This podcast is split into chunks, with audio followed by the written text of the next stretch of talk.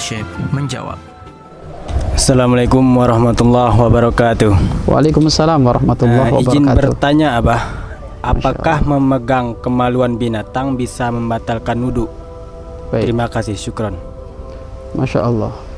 Perkara-perkara yang membatalkan wudhu sangat jelas diperinci dan dijelaskan ada di kitab-kitab fikih. Ada di kitab Safinatun Najah, kitab Fathul Mu'in, Fathul Qorib sangat jelas. Dari beberapa penjelasan di kitab-kitab itu tidak ada memegang kemaluan binatang itu membatalkan wudhu. Karena perkara yang membatalkan wudhu itu ada lima. Perkara yang membatalkan wudhu ada lima. Satu, keluarnya mengeluarkan sesuatu dari dua jalan, kecuali air mani. Mengeluarkan sesuatu dari dua jalan kecuali air mani, maka selain daripada air mani itu membatalkan wudhu. Kemudian yang kedua adalah tidur. Tidur selain dalam keadaan posisi tidur dalam keadaan duduk. Tidur terlentang, tidur tengkurap, tidur berdiri. Pokoknya selain tidur dalam keadaan duduk. Kalau tidur dalam keadaan duduk nggak membatalkan wudhu. Tapi kalau tidur dalam keadaan terlentang berdiri membatalkan wudhu. Ini yang kedua. Kemudian yang ketiga adalah yang ketiga adalah hilangnya akal. Hilangnya akal. Hilangnya akal juga menjadikan sebab batal wudhu.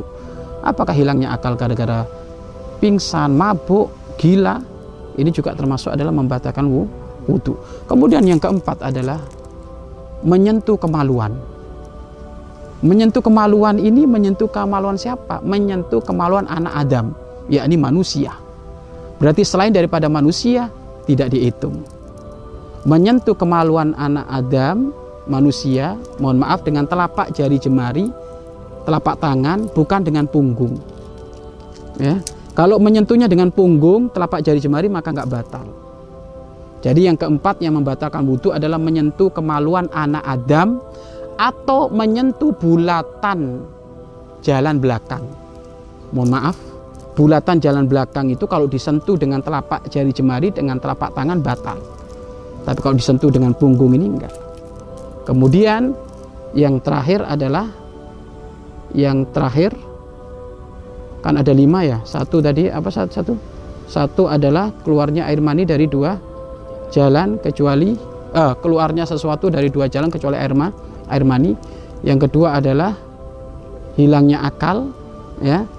Yang ketiga adalah tidur ya kan. Kemudian yang keempat adalah menyentuh kemaluan anak Adam atau bulatan jalan belakang dengan telapak jari-jari atau telapak ta- tangan. Yang kelima, bertemunya dua kulit. Bertemunya dua kulit dengan lima syarat.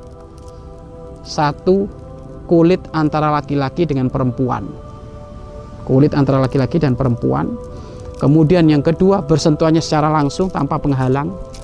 Ya. Kemudian yang ketiga, laki-laki dan perempuannya sudah nyampe pada batas syahwat. Sudah menggoda, kalau kalau dilihat bisa membangkitkan syahwat. Kemudian antara laki-laki dan perempuan tersebut bukan mahrum. Antara laki-laki tersebut bukan bukan mahrum. Kemudian yang kelima, yang disentuh selain gigi, rambut, kuku.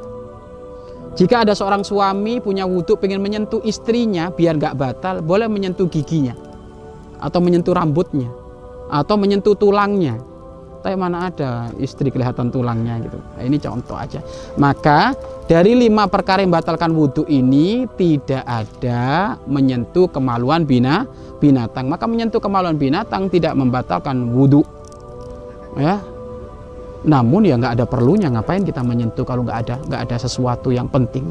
Wallahu a'lam bishawab.